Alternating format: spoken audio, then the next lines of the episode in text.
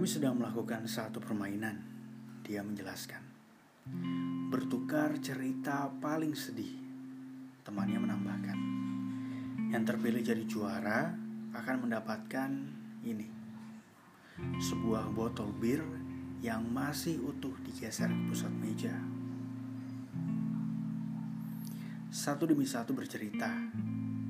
Kisah putus cinta, kisah kehilangan teman, dan kisah bencana alam. Giliran kamu.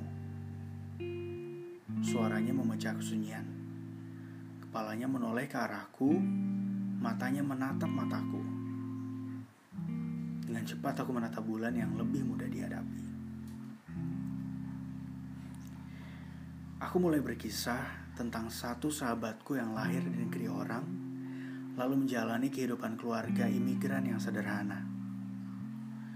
Setiap kali ibunya hendak menghidangkan daging ayam sebagai lauk, ibunya pergi ke pasar untuk membeli bagian punggungnya saja.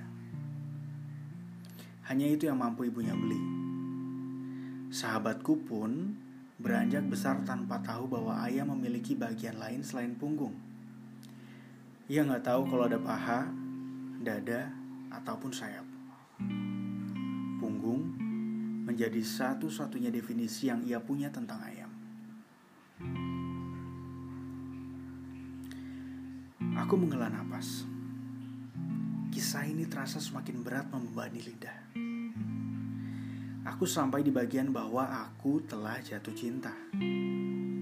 Namun orang itu hanya mampu kugapai sebatas punggungnya saja. Seseorang yang cuma sanggup kuhayati bayangannya dan tak akan pernah kumiliki seutuhnya. Seseorang yang hadir sekelebat bagai bintang jatuh yang lenyap keluar dari bingkai mata sebelum tangan ini sanggup mengejar. Seseorang yang hanya bisa aku isyarat, selalu udara, langit, awan, atau hujan.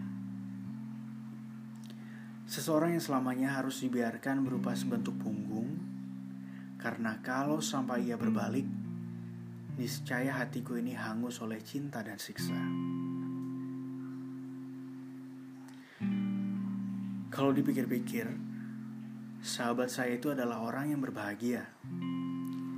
Ia menikmati punggung ayam tanpa tahu ada bagian yang lain. Ia hanya mengetahui apa yang ia sanggup miliki.